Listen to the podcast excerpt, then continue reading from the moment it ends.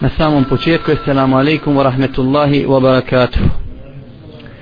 Cijenina braćo i poštovani sestre za oni koji slušaju preko interneta, kao što znate,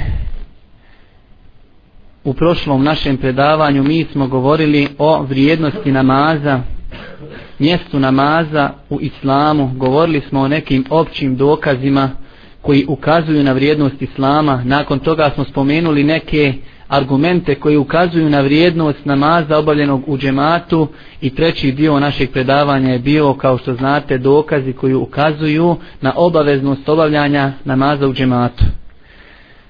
Također znate da je to bilo uvodno predavanje u ciklus i serijal predavanja savjeta klanjačima ili ako ne bude grubo da kažemo upozoravanje na greške klanjača mi ćemo pokušati ako Bog da svake druge sedmice da bude taj serijal jer kao što znate mi nismo naviknuti da svake sedmice imamo neko naučno predavanje već inšala ićemo tim sistemom. Jedne sedmice neko naučno predavanje o greškama u namazu a jedne sedmice ćemo držati neko opće predavanje na one teme koje mi budemo mislili da treba da govorimo o njima. Znači noćas ćemo progovoriti prije nego što počnemo govoriti o greškama u namazu, govorit ćemo općenito o nekim propisima kojima je čovjek izložen svakodnevno, jer vjerujte braćo, dosta puta nam se dešava da braća postavljaju slična pitanja. Okasnio sam u džemat, da li smijem klanjati sam, gdje mora biti sutra odaljena od mene koliko visoka ako prođe ispred mene muško, žensko. Znači nos, dosta propisa koji se dosta puta ponavljaju. Zato smo odlučili da jedno ili dva predavanja održimo na ovu tematiku. Propisi znači koji su vezani za boravak u mesčidu. Pa na samom početku kao neko u, neki uvod u ovo predavanje spomenut ćemo samo neke od vrijednosti obavlja o gradnji mesđida.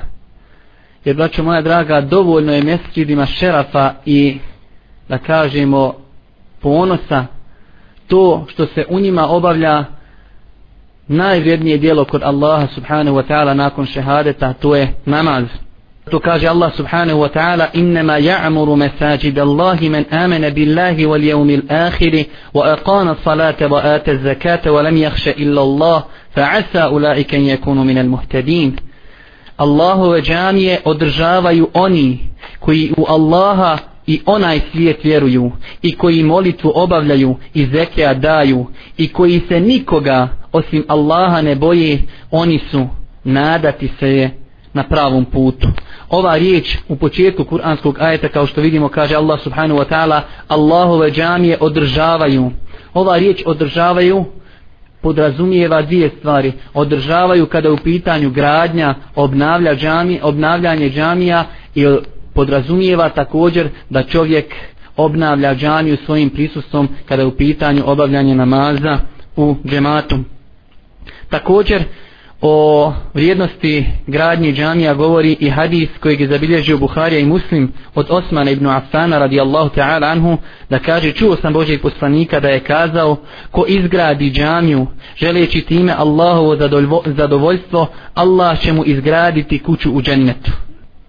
Tako braćo moja draga ovo je poziv meni i svima nama da kada se ovaj kada budemo u mogućnosti da pomognemo izgradnju neke Allahove subhanu wa ta'ala kuće, džamije, da damo onoliko koliko možemo, a dosta puta smo u prilikama da budemo svjedoci Sergija koje se skupljaju za izgradnju džamija, zato ovaj, ovi, ovaj hadis i onaj kuranski ajet trebao bi svakom od nas da bude podstrijek kada je u pitanju to. Pa nakon ovog, hajde da kažemo, kraćeg uvoda o vrijednosti izgradnje džamija, počećemo sa nekim, hajde da ih nazovemo adabima, prilikom samog odlaska čovjeka u džamiju i njegov ulazak u džamiju i onda ćemo spominjati propise koji su vezani za čovjekov boravak u mjesečidu. Pa na samom početku, braćo moja draga, čovjek bi trebao da vodi evidenciju kada ide u džamiju o svome vanjskom izgledu, znači o svojoj odjeći, ovo spominjemo, a spominjat ćemo kada budemo govorili o greškama u namazu, dosta puta neki ljudi dolaze u namaz u izgledu kakav ne doliči da se dođe u džanju, jer kao što smo spominjali prošli put, zamislite kada bi neko od nas imao sastanak sa nekim uvaženim funkcionerom, dunjalučkim, nekim direktorom ili prijesjednikom, ministrom, ja mislim da se ne bi lako usudio da ode u nekim kratkim hlačicama ili šta ja znam u nekoj potkošuljici i tako slično tome. Kada ti ljudi, ovo dunjalučki funkcioneri zaslužuju da se čovjek sredi za njih, da se namiriše, pa onda susret sa Allahom subhanahu wa ta'ala je mnogo preći.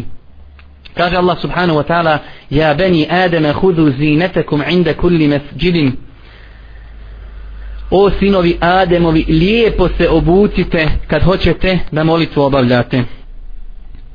Također od stvari koje bi čovjek trebao da vodi kada je u pitanju njegov odlazak u džamiju jeste i miris. Kao što znate Boži poslanik sallallahu alaihi wasallam je zabranio ljudima da dolaze u džamiju koji su jeli crveni ili bijeli luk.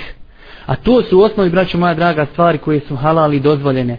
Boži poslanik u više hadisa koji su zabilježeni u Buhari i Muslimu kaže neka se odvoje oni ljudi koji su jeli bijeli luk ili crveni luk od mjesta gdje mi klanjamo. Neka se odvoje od naših mjesečida.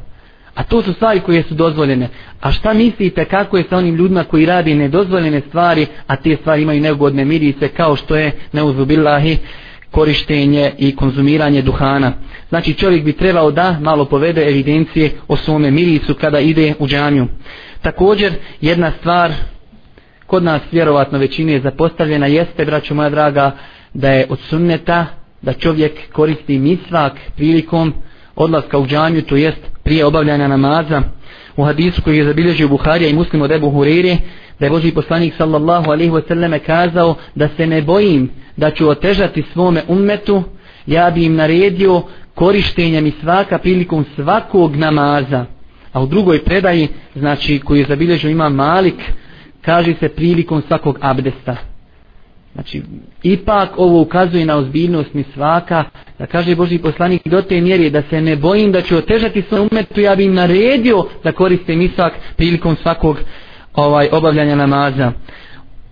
Znači nema smetnje da ovom prilikom spomenemo jedan od hadisa koji postiče na korištenje mi svaka hadis od Ebu Hureyre radijallahu ta'ala anhu da kaže Boži poslanik sallallahu alaihi wasallam mi svakom se čiste usta a u njegovom korištenju je Allahu, sub, Allahu subhanahu wa ta'ala zadovoljstvo. Hadis je zabilježi imam Nesai a hadis je vjerodostan kao što je to ocjenuo Muhammed Nasrudin Albani. Također braćo moja draga od stvari znači adaba prilikom odlaska u džanju jeste da bi lijepo bilo oni ljudi koji su u mogućnosti da to sebi uplaniraju u svoj život da porani i da malo ranije odu u džanju jer braćo moja draga znači to bi se moglo nazvati neko natjecanje u rađenju dobrih dijela a natjecanje i žurenje ka dobrim dijelima to je osobina vjernika. Allah subhanahu wa ta'ala kada opisuje Zekerijaha alaihi selam kaže innahum kanu yusariuna fil khairat oni su se trudili da što više dobra učine. Ovdje je baš došla riječ ovo prevodi se trudili ali kaže innahum kanu yusariuna fil khairat žurili su znači trudili se natjecali su se da što više dobra uradi. Također kaže Boži poslanik sallallahu alaihi wa sallam u hadisku koji je zabilježio imam Buharija i Muslim kada bi ljudi znali šta je u ranjenju u odlasku u mesčid, u ranom odlasku u mesčid, oni bi se natjecali u tome. Mi ćemo ovdje, pošto to nije znači naša tematika, ders nije odgojnog puno karaktera, ali nema smjetnije da spomenemo neke koristi koje preizilaze iz ranog odlaska u mesčid. Pa na primjer, samo iščekivanje namaza smatra se u šerijatu, znači čovjek ima propis kao da je u namazu dok čovjek sve dok čekuje namaz, on ima nagradu kao da obavlja namaz. Kaže se u hadisu koji je zabilježio također Buharija i Muslim od Ebu Hureyre, da je Boži poslanik sallallahu alaihi wasallam kazao, neće prestati neko od vas da bude u namazu sve do ga namaz sprečava da se vrati svojoj porodici.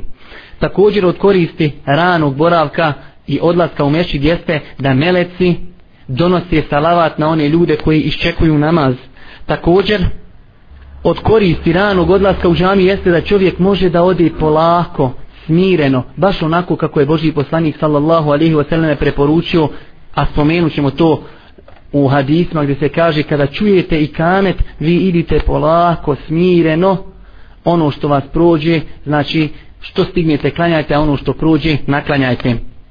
Također, ako čovjek ide ranije u džamiju, on je u mogućnosti da razmišlja o svim tim ibadetima, pa tako, na primjer, kada ulazi u džamiju, on ima mogućnost da se prisjeti da prouči dovu prilikom ulaska u džamiju. Dok čovjek kako je okasnio, čuje i kamet, požuri, mimo je na umi kakva dova ili šta ja znam te neke druge sunnete.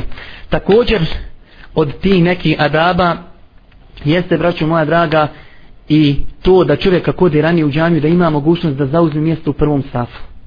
Nažalost, to je stvar koja je kod nas i tekako zaboravljena i zapostavljena. To ćemo spominjati inšala od grešaka, ali treba ovdje spomenuti dvije stvari. Ja sam razgovarao s nekim ljudima pa kažem, dođeš na džumu u 12 sati, a on sjedi dole nazad. Fin insan, fin musliman, zašto ne ideš u prvi saf? Kaže, ja se ne osjećam da zaslužujem da budem u prvom safu. Znači to je, braćo moja draga, sigurno jedna šeitanova spletka. Čovjek treba, ako dođe u džamiju, prvo što treba da radi da pokuša da nađe mjesto u prvom safu. Ako ne može da nađe mjesto u drugom safu jer i drugi saf ima neke svoje vrijednosti u odnosu nad ostalim safovima. Također od koristi ranog dolaska u mešći gdje da će čovjek moći birati da stane na desnu stranu a poznati su hadisi da meleci donose salavate na desne strane safova. Također, onaj ko ode ranije u džaniju ima mogućnost da dovi između ezana i kameta, a poznato je, znači u mnogim hadisima Božih poslanika, mi ćemo samo spomenuti jedan koji je zabilježio imam Ebu Dawud od Enesa radijallahu ta'ala anhu, a hadis je vjerodostojan, da kaže Boži poslanik sallallahu alaihi wasallame, neće biti odbijena dova između ezana i kameta. Ovo da nema druge fajde od ranog odlaska u džaniju osim ove, bila bi dovoljno. Također, čovjek koji odi ranije u džaniju moći će da klanja dva rekiata između ezana i kameta. A klanjanje dva rekiata između ezana i kameta je znači nešto što je propisano za svaki namaz. U hadisu koji je zabilježio imam Ibn Hibban od Abdullaha Ibn Zubeira kaže Boži poslanik nema niti jednog namaza propisanog propisanog a da prije njega nemaju dva rekiata. Znači čovjek može klanjati dva rekiata prije svakog namaza nakon što se prouči ezan. Također, jedna bitna stvar kod nas opet nažalost zapostavljena, spomenut ćemo i u greškama također, jeste to da čovjek ako dođe ranije u džanju ima mogućnost da prispije na taj prvi početni tekbir.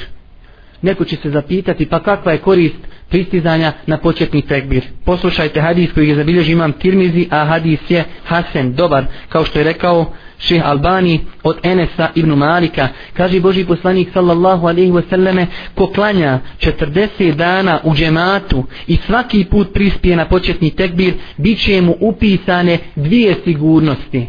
Sigurnost od nifaka i sigurnost od vatri. 40 dana da čovjek potrudi se da dođe svaki dan da sa imamom kada imam izgovori Allahu Ekber odmah izgovori Allahu Ekber. Znači 40 dana da tako istraje. Uz Allahovu pomoć Allah subhanahu wa ta'ala će mu pisati dvije sigurnosti sigurnost od vatre i sigurnost od nifaka. Također jedna korist jeste da će čovjek moći nakon što imam imam prouči fatihu da će izgovoriti sa njim amin pa neko se možda zapita pa zar i za to ima neka nagrada? U hadisu koji je zabilježio Buharija i muslim od Ebu Hureyre kaže se kada imam kaže gajril magdubi alejhim wala dalin recite amin. Zaista ko izgovori amin zajedno sa melecima bit će mu oprošteni prijašnji grijesi.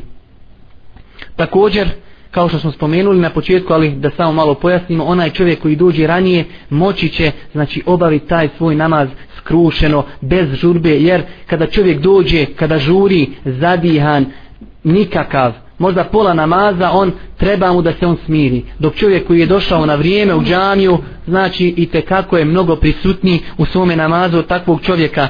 A u hadisu kojeg je prenio Ammar ibn Jasir od Božih poslanika sallallahu alaihi wasallam stoji da je rekao Božji poslanik neko od ljudi završi namaz a nije mu, je, nije mu upisano od tog namaza ništa osim desetina. Nekom je bude upisana devetina nekom je osmina, nekom je sedmina nekom je šestina, nekom je petina nekom je četvrtina nekom je trećina nekom je polovina vidimo braću moja draga znači da se ljudi razlikuju po pitanju koliko se u Kabuli njegovog namaza tog razloga čovjek bi trebao da pokuša da dođe ranije u džanju, da se opusti, da razmišlja o tom ibadetu, a ne ko što je kao u nas dosta puta dolazimo znači u nekim zadnjim momentima.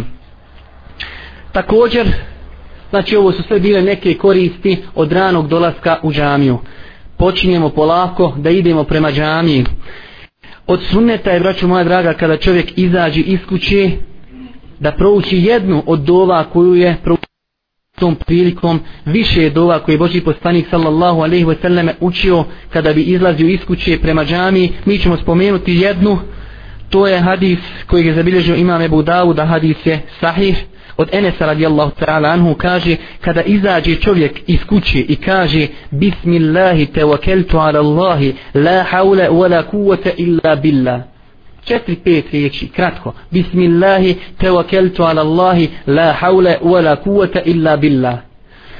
U ime Allaha, oslanjam se na Allaha, nema snage ni moći osim u Allaha. Kaže se, bude rečeno tom čovjeku, upućen si, sačuvan si, zaštićen si. Pa se od njega odmakne šetan njegov, pa onda kaže drugi šetan, šta možeš sa čovjekom koji je upućen, sačuvan i zaštićen vidimo braću moja da kolika korist od samo učenja jedne kratke dovi također od sunneta je da čovjek ide pješice u džamiju i da tom prilikom ako bude radio po onom našem pravilu da dolazi ranije normalno tada on ne žuri i da tom prilikom ne znači ne korača velike korake već da ide normalno jer prenosi se od pojedini asaba da kada su išli u džaniju da su išli malim koracima pa ljudi začuđeni kaj što tako ideš sitnim koracima? Pa kaže znam one hadise u kojima stoji da svaki korak znači briše se grije a svaki drugi korak ovaj piše se jedan novi sevap. Tako znači čovjek u najmanju ruku što može da ne bi sad bio upadan ovdje kod nas da ide sitnim nekim koracima jer inako smo upadni po svemu dovoljno bi nam bilo još i to da idemo nekako čudno, ali dovoljno je znači da ide nekim normalnim koracima kako bi za Allahu pomoć imao što više sevapa, jer ono što smo spomenuli, ovaj došlo je vjerodostojnim predajama koji su zabilježili Buharija, koji je zabilježio ima muslim od Ebu Hurere radijallahu ta'ala anhum. Također, kaže Boži poslanik sallallahu alaihi wasallame, ko abdesti u svojoj kući, zatim ode, ali ovdje ovaj glagol ode, u arapskom je došao, ode pješici u džamiju, kako bi obavio jedan od Allahovi farza, jedna stopa ili korak briše mu grije, a drugi mu povećava sevap. Također, znači od sunneta je da čovjek kada ide, kao što smo rekli, da ide smireno, ponizno, polako i lijepo kao što je došlo u hadisu Buharije i muslima od Ebu Hurere kada čudnijete i kamet kada čudnijete i kamet smireno idite ka džamiji i nemojte žuriti što stignete klanjajte a što vas je prošlo naklanjajte. Vidjet ćete ako ikada imadnete priliku a oni koji su išli tamo u Medinu i Meku kada ljudi pošto su znači ozvučenja i čuje se napolje šta imam uči pa ono ako uči neku suru koju mi znamo kulhu valla pa ljudi znaju da je blizu. Ljudi trče trče jednostavno to je braćo moja draga neznanje džehl. Trče kako bi stigli znači ajde da kažemo taj ruku a oni ne znaju da radi suprotno onome što je Boži poslanik sallallahu alaihi wasallame preporučio također od sunneta je, braćo moja draga, da oni ljudi koji idu ka džami, zaputili se znači od svoje kuće ka džami, da ne isprepliču prste. da ne isprepliču prste iako po ovom pitanju ima razno raznih stavova kada je u pitanju znači islamska ulema islamski učenjaci imam Ibn Hajar Hafiz Ibn Hajar navodi ta mišljenja u svojoj poznatoj knjizi Fethul Bari komentar Sahihul Buharija ali znači Allah najbolje zna jako je mišljenje da čovjek od kuće kada krene i sve dok obavi namaz dok završi namaz ne bi trebao da isprepliče prste.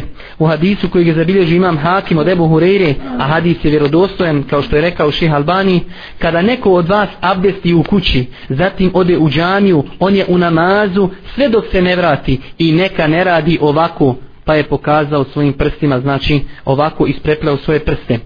Tako da čovjek znači u najmanju ruku razilaženjem izlaz, izlaženjem iz razilaženja u leme bilo bi dobro da ne radi ovu stvar koju je zabranio Boži poslanik sallallahu alaihi wasallam znači od njegovog kretanja kuć, od kuće do džamije i u periodu dok iščekuje namaz. Dok su došli vjerodostojni hadisi da je Boži poslanik sallallahu alaihi wasallam nakon namaza znači uh, ispreplitao svoje prste i znači a posebno je to dozvoljeno ako čovjek nešto pokazuje kao što se dešavalo da Boži poslanik sallallahu alejhi je pokazivao na, na minberi primjer muslimana je kao primjer nekog plota ili nekog zida pa je pokazivao svojim prstima znači ovako. Kada smo došli do džamije postavlja se tu također jedno pitanje a to je dosta puta kod nas aktuelno pitanje i dosta puta imamo po tom pitanju različite stavove i reakcije a to je dovođenje djece u džamiju.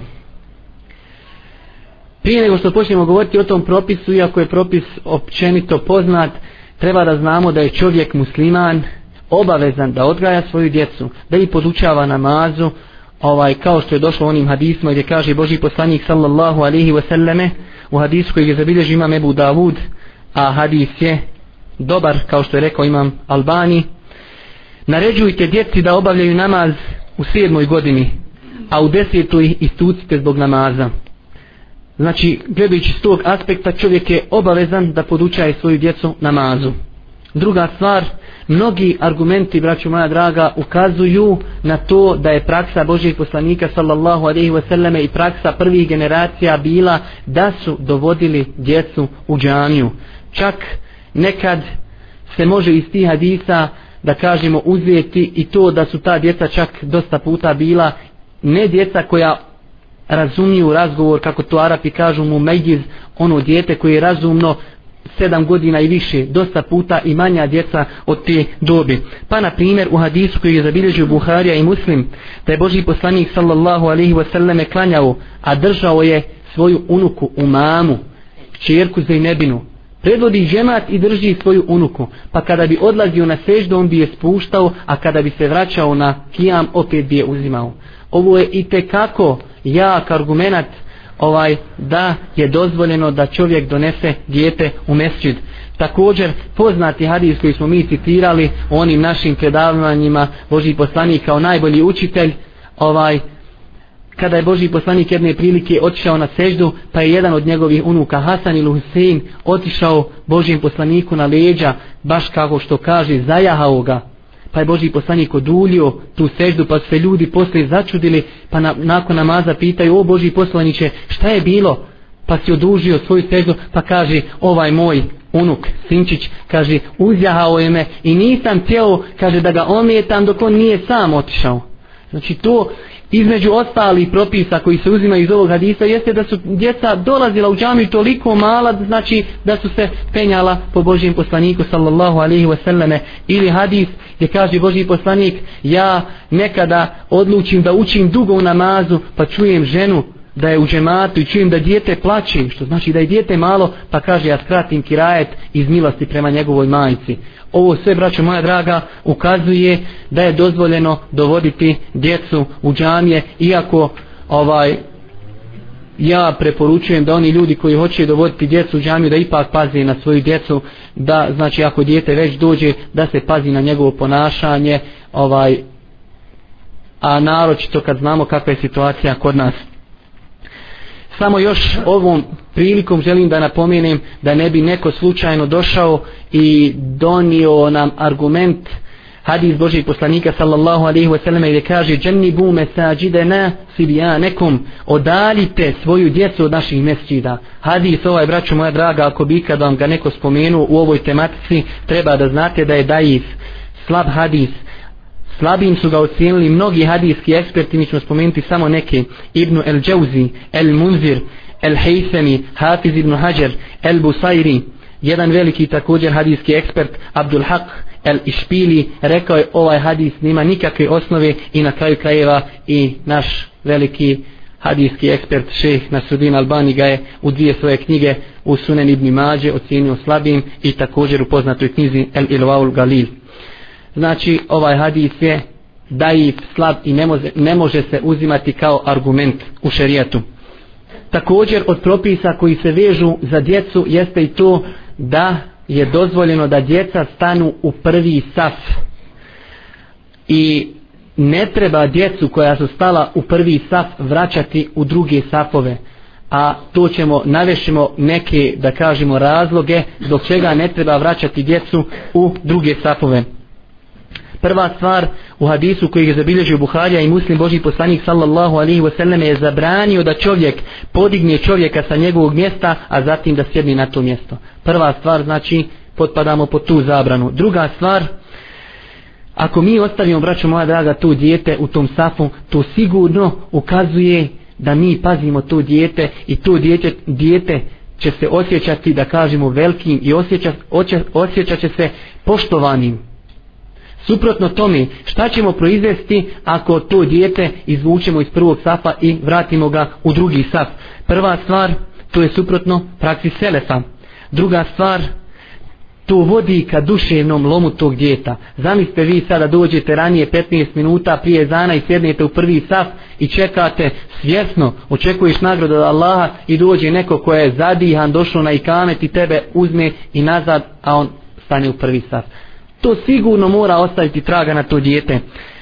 Također, ovakav čin vodi da se djeca uvijek skupljaju u zadnjim sapovima i onda šta uvijek čujemo u namazu smijanje djeci.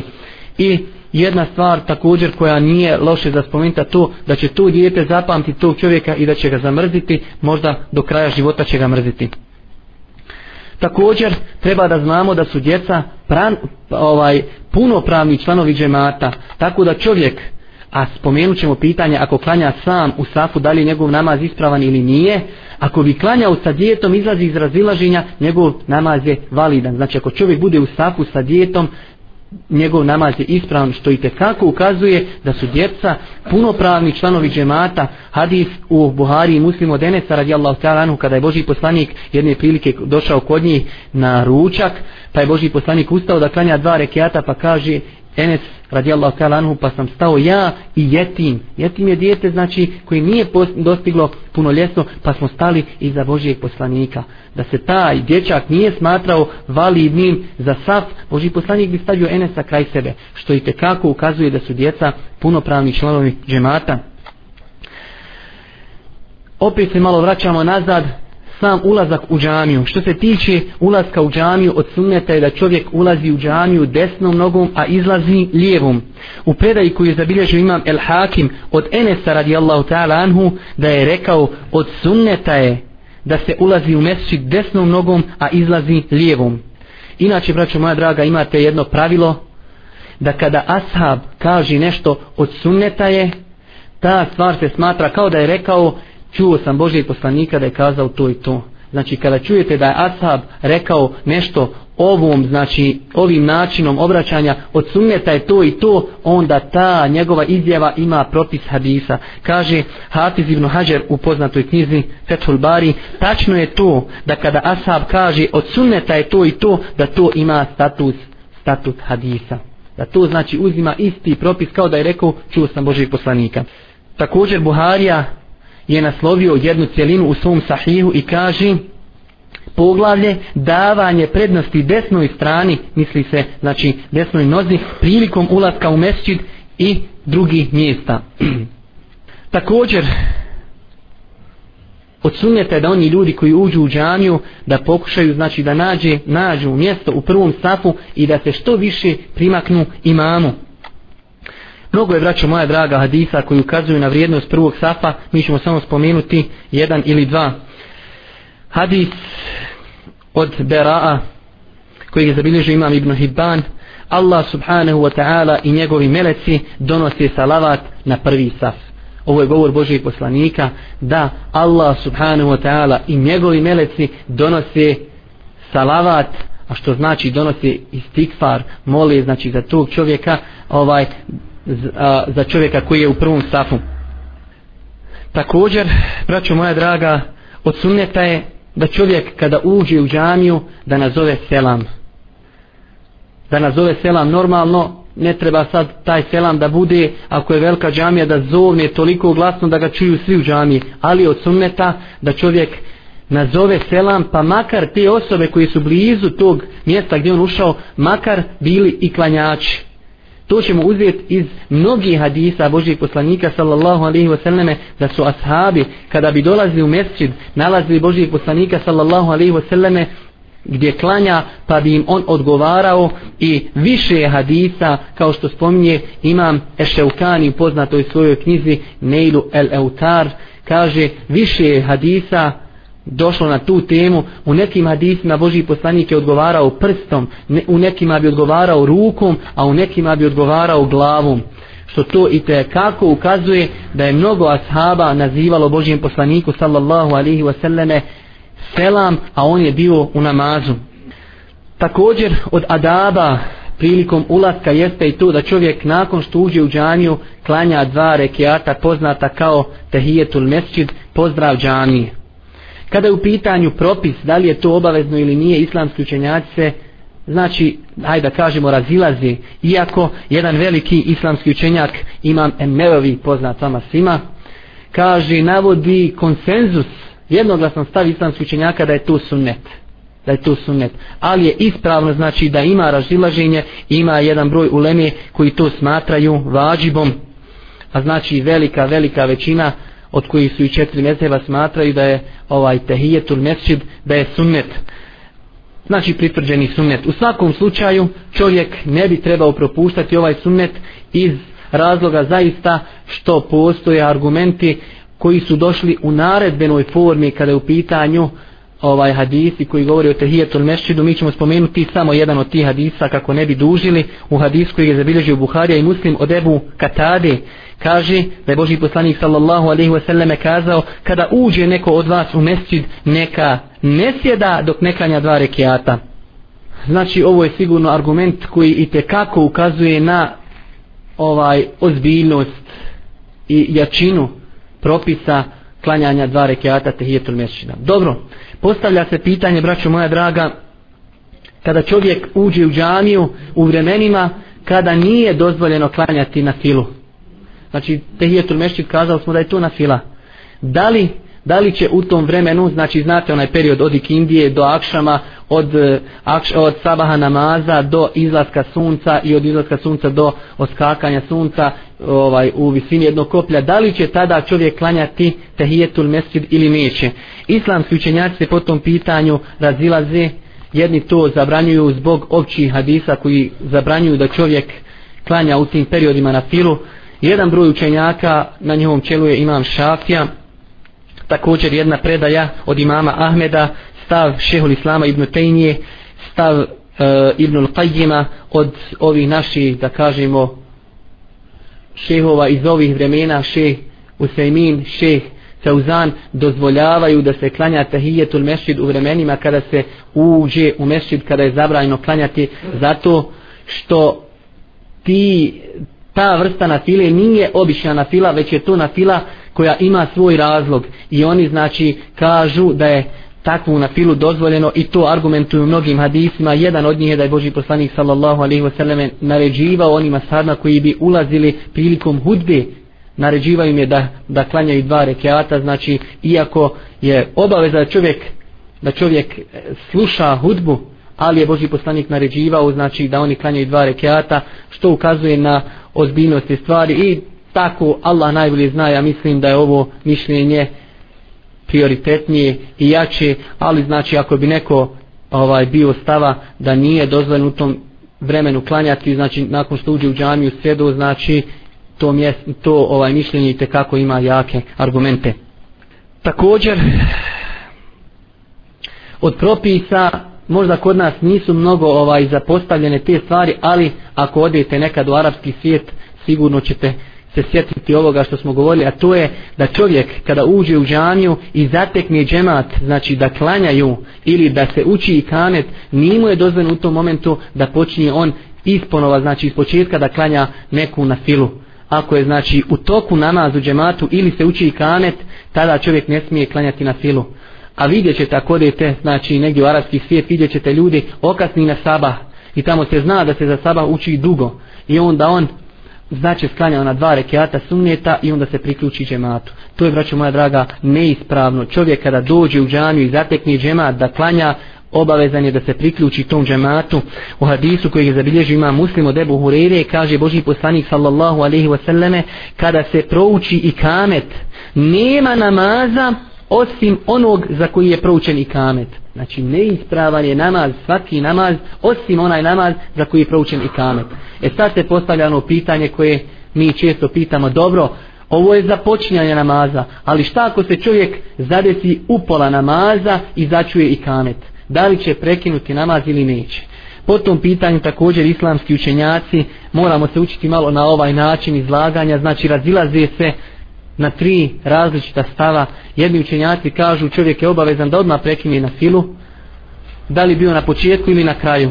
Jedni kažu u potpunči u svakom slučaju i treća ulema kaže, a to je izabir šehu, ovoga, šehu Sejmina, da čovjek ako mu je ostalo nešto malo od namaza, znači manje od jednog rekiata, da će to brzo privesti kraju i priključit će se džematu, a ako je znači ostalo znači više od jednog rekiata da će prekinuti namaz.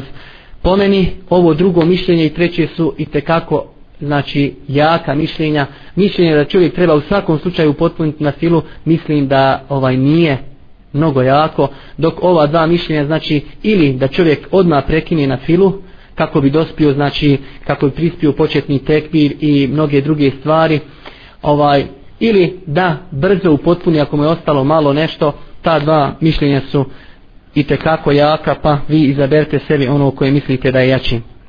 Također, braćo moja draga, od stvari koje se vežu za propise u džematu jeste i to da je od sunneta da čovjek kada želi da klanja ovo može se reći i za kod kuće, ali i u mešćidu da treba da pokuša da klanja ovaj naspram sutri. Naspram sutri, riječ sutra je arapska riječ, ali znači da sutra može da bude svaki neki predmet i stub i zid i auto i znači svaka druga stvar koplje, sablja znači sve te stvari mogu da budu sutra. Ona je propisana kako za pojedince tako i za ljude koji klanjaju u džematu mislim na imama. Dok spomenut ćemo poslije da je imamova sutra je sutra svim koji klanjaju za njega tako spomenut ćemo da je dozvoljeno prolaziti između sakova i donijet ćemo zato ako Bog da argumente. Ali ovdje se vraćamo da spomenemo samo obaveznu sutri. Da li je to obavezna ili nije? Velika, velika većina islamskih učenjaka smatra da je sutra sunnet. Znači da je lijepo da čovjek klanja ovaj naspram sutri. Dok ima jedan mali broj učenjaka kao što je jedan rivajet od Ahmeda, Ibnu Huzeime, El Aini, da su zastupali mišljenje da je znači obavezno da čovjek uzme sutru, znači da klanja naspram sutri. Mi ćemo samo spomenuti hadis koji ukazuje na ovaj kako se zove na propisanu sutri u hadisu koji je zabilježio imam Ebu Davud a hadis je vjerodostan kao što je rekao šeh Albani od Ebu Sa'ida el Hudrija kada neko od vas hoće da klanja, neka klanja prema sutri i neka joj se približi i neka nikome ne dozvoli da prođe ispred njega i ako bi neko pokušao da prođe, neka ga spriječi jer to je šeitan. Što se tiče širine sutri, kazali smo da nije ograničena, može biti znači nešto mnogo tanko, znači koplje ili znači širina sutri ovaj nije precizirana dok visina je precizirana u nekim hadisima a to su neki islamski učenjaci ili tabiini prokomentarisali da je to visina podlastice, znači kao što Arapi kažu zira. To je prokomentarisao poznati tabin Ata i Seur. Također od sunneta je kao što došlo u onom hadisu da čovjek treba kada kanja prema sutri da joj se primakne od prilike da to bude od njegovih nogu do sutre otprilike tri podlaktice ili jedna podlaktica od mjesta gdje čini seždu i sutre. Također od propisa koji su vezani za sutru jeste da je sutra imama sutra svih klanjača, što znači da je dozvoljeno čovjeku, normalno ako ima potrebu, kako ne bi smetao drugim klanjačima, da hoda između safova i nema inšala grijeha za to. Argument je zato u hadisu koji je zabilježio Buharija i muslim od Ibnu Abbasa radijallahu ta'ala anhu, on kaže došao sam jedne prilike na minu, Boži poslanik je klanjao svojima sahabima, pa sam došao, pa sam prošao između safova na magarcu, pa sam prošao između safova, pa sam sišao sa magarca i priključio se džematu. I kaže nakon što je se završio džemat, niko mi nije to ovaj osporio što sam uradio. I ovo je i tekako jak argument da je dozvoljeno znači da čovjek prolazi između safova, ali znači to bi se trebalo svesti u svakom slučaju na neku potrebu, jer sigurno nikome nije drago da neko prolazi ispred njega, jednostavno to ovaj umanjuje koncentraciju, ali ako bi se desilo da ima čovjek potrebu za time, znači treba da zna da je to dozvoljeno i da nije grije. Također kada je ovaj u pitanju sutra i govor o propisima sutre treba da znamo da imaju tri stvari koje ako prođu ispred čovjeka između njega i sutre da je njegov namaz pokvaren. Ovo je ovaj stav manjinskog dijela učenjaka, ali je po meni ovo mišljenje ispravnije. Većina islamskih učenjaka zastupa mišljenje da ako ove tri stvari prođu ispred čovjeka između njega i sutre da je njegov namaz ispravan ali Allah najbolje zna, znači ako ispred čovjeka prijeđe punoljetna žena, crn, crn pas, ne nikakav drugi, ne, već samo crn i ovaj magarac, ako prođu ispred čovjeka, da je njegov namaz pokvaren. Hadis koji je zabilježen ima muslim i mnogi drugi hadisi i mnogi drugi znači ovaj izvori hadisa, prenosi ovaj hadis od Ebu Hurire, da je Boži poslanik sallallahu alaihi wasallam kazao, namaz će pokvariti prolazak ženi, psa i magarca. U drugim predajima je znači došlo da se to misli na crnog psa. Također, od propisa koji su vezani za čovjeku u boravak u mesčidu jeste, braću moja draga, da nije dozvoljeno čovjeku da izađe iz džamije, iz mesčida, nakon što se prouči ezan, ako nema potrebu za tim. Znači, ako čovjek ima potrebu da izađe da promijeni abdest ili nešto, znači, hitno, dozvoljeno je. Ali nije čovjeku dozvoljeno da nakon što se prouči jezan, bez ikakvog razloga izađe i ne želi da se vrati. U hadisu koji je zabilježi imam, uh, zabilježi imam et taberanić od Ebu Hurire radijallahu ta'ala anu, a hadis je vjerodostojen, kaže Boži poslanik sallallahu alaihi wasallame, niko neće čuti ezan u ovom mesčidu, a zatim izaći bez potrebe, zatim se ne vratiti osim onaj ko je munafik. Znači Boži poslanik sallallahu alaihi wasallam je okarakterisao one ljude koji izađu bez potrebe i ne želi da se vrate da su to ljudi munafici. Također poznati hadis Ebu Hureyre kada je vidio čovjeka koji je izišao nakon što je proučen ezan kaže a što se tiče ovoga on je nepokoran Ebu El Qasimu misleći na Božih poslanika sallallahu alihi wasallame. Ali treba naglasiti da čovjek ako ima potrebu znači kao mijenjanje abdesta da je dozvoljeno u svakom slučaju da izađe. Također od stvari propisa vezani za čovjekov boravak u džaniji jeste braćo moja draga i ravnanje safova. Mnogo je braćo moja draga hadisa koji ukazuju na obaveznost obaveznost ravnanja safova. Potom su također islamski učenjaci podijeljeni. Neki kažu da je to samo sunnet, a jedan broj islamskih učenjaka kažu da je ravnanje safova obaveza i vađib. To argumentuju hadisem kojeg zabilježio imam Buharija i muslim od Nu'mana ibn Bešira, da je Boži poslanik sallallahu alaihi wa sallam kazao ili ćete vi poravnati i popuniti svoje safove ili će Allah uliti razdor u vaša srca Inače poznato u šerijatu kada god dolazi prijetnja za nešto, onda ta stvar postaje obaveza. Tako znači ovo je i tekako jak argument da je ravnanje safova obaveza. Također, kaže Boži poslanik sallallahu alaihi wa sallam, poravnajte svoje safove jer ravnanje safova je od potpunosti namaza. Imam Buharija je naslovio jednu cijelinu, a dosta puta smo spominjali da iz ovih naslova imama Buharije u njegovom sahihu se i kako vidi njegova jačina kada je u pitanju islamsko pravo, njegov fik. Pa on kaže poglavlje grijeha onoga ko ne poravna safove. Što znači da je on bio stava da je obavezno ravnanje safova jer ako bi rekli da je znači nije obavezno ravnanje safova da ne možeš reći čovjeku da je griješan zbog toga. Zato vidimo da je imam Buharija bio stava da je obavezno ravnanje safova. U ravnanju safova opšte poznato je da su veliki sevapi. Mi ćemo spomenuti samo neke stvari koje ukazuju na to. Hadis od Ibn Omera ko spoji saf Allah će ga spojiti a ko prekine saf Allah će ga prekinuti. Hadis Aiše Allah i njegovi meleci donosi salavat na one koji spajaju safove. Kada je u pitanju ravnanje safova, dosta puta postavljaju se pitanja šta je to znači omjer kako ljudi da ravnaju safove po petama ili po vršicama prstiju. Logično je, ali eto, dosta ljudi ovaj puta ne razmišljaju mnogo da se ne mogu ravnati, braćo moja draga, safovi po vršicama prstiju.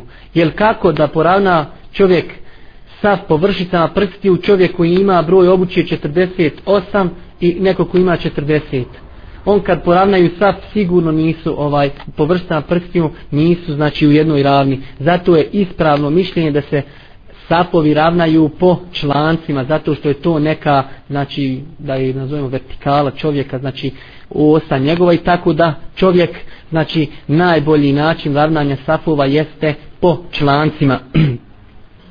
također od stvari koje treba spomenuti, a to možemo poslije spomenuti u greškama, jeste da nije dobro da čovjek širi noge više nego što je širina njegovih ramena. Jer ako čovjek postupi tako, on je znači automatski zabranio nekim ljudima da spoje sapove, da spoje ramena sa njim. Jer ako čovjek raširi noge više nego što su njegova ramena, a to je nažalost, nažalost, dosta puta praksa velikog broja naše braće, ovaj, tada su ljudi u nemogućnosti da s tobom spoji ramena. Zato čovjek, znači, osnova je da stane onoliko koliko su široka njegova ramena.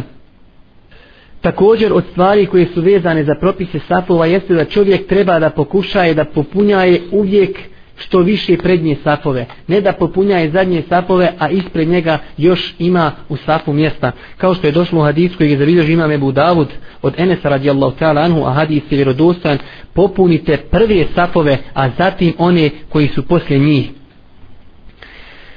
Također od sunneta je da imam prođe, znači od sunneta je da čo imam prođe ovaj sa jedne strane safa i na drugu stranu safa i da pogleda ovaj dalje saf prav i u redu kao što se prenosi u hadisima koji su zabilježili Buharija i Muslim da je Božji poslanik prolazio i tapšao ashabe po njihovim prsima i ramenima i ravnao tako njihove safove.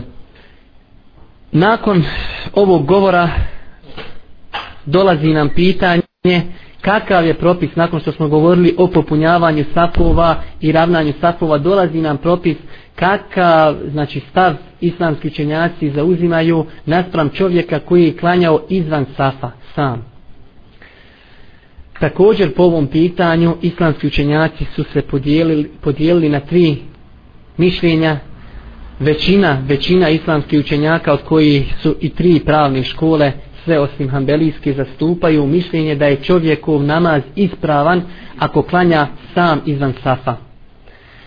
Imam Ahmed ibn Hanbel zastupa mišljenje da čovjek ako klanja izvan safa da je njegov namaz pokvaren. I imate jedno srednje mišljenje koje je zastupao također šehul Islam koji je zastupao Ibn al-Qayyim, šeh Albani, poznati šeh Saadi koji je živeo, živio u prošlom stoljeću na teritoriji Saudijske Arabije jedan veliki učenjak. Zastupali su mišljenje da čovjek ako ima mjesta u safu i nije klanjao u tom mjestu klanjao je kao pojedinac njegov namaz je pokvaren A ako nije mogao, nakon što je se potrudio, nije mogao da nađe mjesta u sapu, onda kao takav, on je znači ima opravdanje kod Allaha i kao takav će klanjati i njegov namaz je ispravan. Allah najbolje zna, ja mislim da je ovo srednje i da je to najispravnije mišljenje, ali samo da spomenemo i opasnost toga, znači da čovjek klanja izvan safa, a imao je mogućnost da uđe u saf, a to su argumenti koje uzima Ahmed ibn Hanbel kao dokaz da je namaz pojedinca izvan safa pokvaren, pa na primjer hadis od Alije ibn Šejbana da je poslanik sallallahu alaihi wasallam vidio čovjeka koji klanja sam pa mu je rekao ponovi namaz nema namaza znači neispravan je namaz onome ko klanja izvan safa hadis je vjerodostan kao što je rekao šeh Nasrudin Albani. Također ovdje se uvijek postavlja ono pitanje dobro zašto klanjati sam zašto ne izvući nekoga iz safa? Ovaj također treba da znate da po tom pitanju islamski učenjaci imaju različite stavove.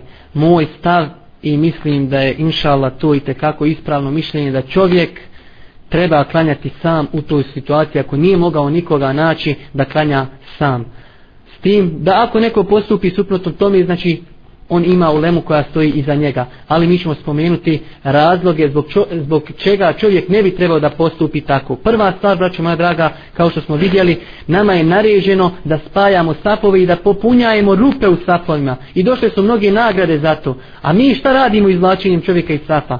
Mi pravimo rupu u sapu.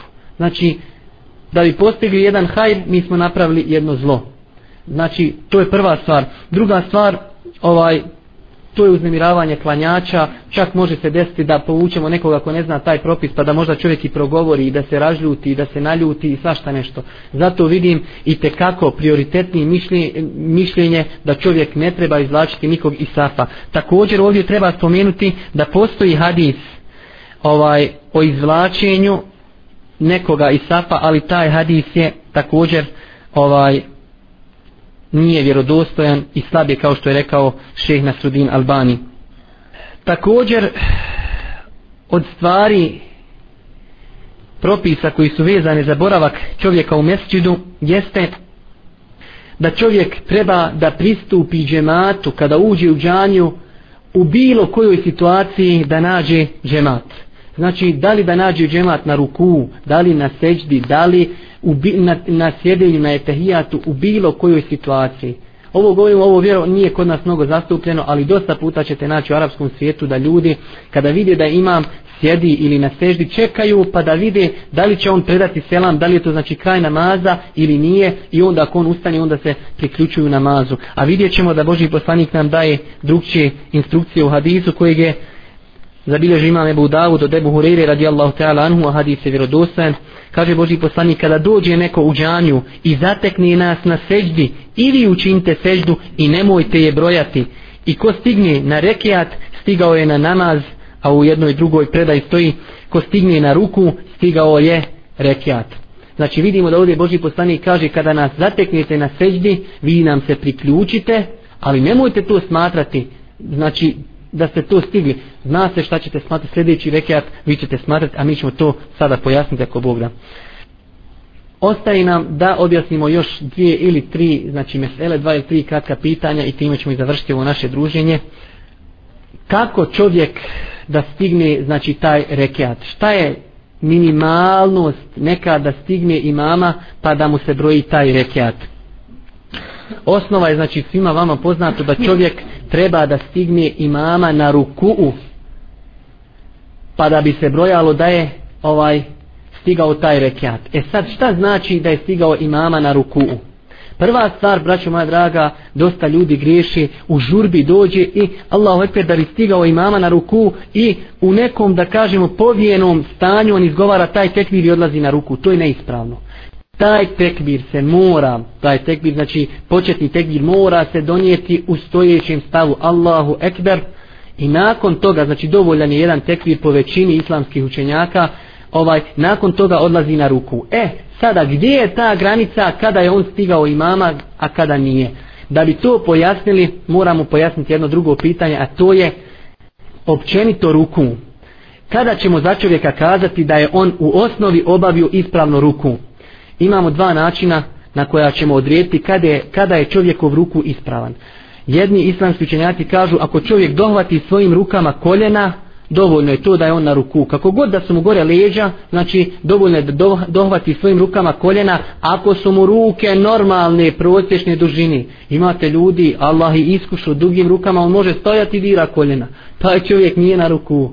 Znači, ako ovo islamski, ovo je govor islamski čenjaka, vraćo, nije moj govor. Znači, ako su čovjeka prosječne, normalne ruke i ako dodirne sa njima, a ovaj koljena, taj čovjek se smatra na ruku. Jedan drugi, možda i bolji način određivanja jeste to da čovjek znači pređe pola te etape između kijama i rukua. To jest, kada bi ga neko vidio iz daljine i da ga ti upitaš je li onaj čovjek na ruku, da on kaže jest. To je dobra smjernica, znači negdje polovina. Ako se čovjek malo više nagnije da je to znači ruku. E, sada se vraćamo na ono kako stići imama. Ako čovjek stigne da dođe do najgornjeg dijela gdje bi se smatrao njegov ruku, znači najgornjeg onog gdje bi se smatrao tu da dođe i da imam tek tada počne da se ispravlja, makar, znači on se još ne smirio, on je stigao taj ruku. Mislim da sam dobro pojasnio, ako nisam, pojasnit ćemo ponovo. Znači čovjek da bi stigao ruku, mora minimalnu tu granicu rukua da dostigne prije nego što imam počne da se vraća ako to dostigne, znači dostigne tu neku granicu gdje kada bi ga mi vidjeli rekli bi, e on je na ruku, prije nego što imam počne da se vraća, taj čovjek je stigao ruku. Mislim inšala da je to trebalo bi da bude jasno. Također, ovaj od tih propisa znači kada smo rekli da čovjek ovaj makar se i ne smirio to ne znači da se on ne treba smiriti. On je znači pristigao na ruku ali tada nakon što se imam podigne znači on nema nikakve smetnje da se on tada smiri na ruku i da izgovori ono što treba eventualno jednom da kaže subhana rabijal azim ali znači nije uslov da se on smiri pa da bi pristigao na taj rekat već je dovoljno da on dođe u taj položaj i ako se imam počne ispravljati normalno on će znači upotpuniti svoj ruku, znači kazat će ono što treba da kaže i onda će nastaviti slijediti imama. To je jedno pitanje koje dosta puta ljudi potežu, pa mislim inšala da bi trebalo biti sada sve jasno. I na kraju, najmanje čime će čovjek pristići propis džemata, A zašto nam ova mesela treba i pitanje? Ovo pitanje se može dosta puta desiti kada je u pitanju džuma. Na primjer, da li čovjek, ako je stigao, na primjer, jedan rekat i onaj drugi rekat da li će naklanjavati podne ili će naklanjavati kindiju? I to nam je ovo pitanje. Znači šta je to najmanje što čovjek kada dostigne za imamom da će taj čovjek moći se kazati on je stigao propis tog džemata i naklanja, naklanjavaće na kraju kraj, krajeva taj namaz.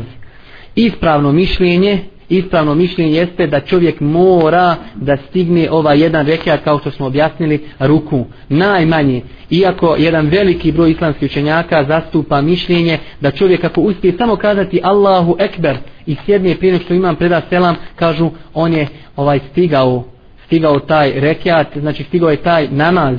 Ali i te kako to mišljenje ovaj je u kontradiktornosti sa onim što nam je Boži poslanik sallallahu alaihi wasallam kazao. Pa na primjer u hadisu koji je zabilježio koji prenosi Ebu Hureyre hadis je vjerodostojan ko stigne jedan rekiat namaza on je stigao namaz. Šta znači suprotno ovome ko ne stigne jedan rekiat nije stigao namaz.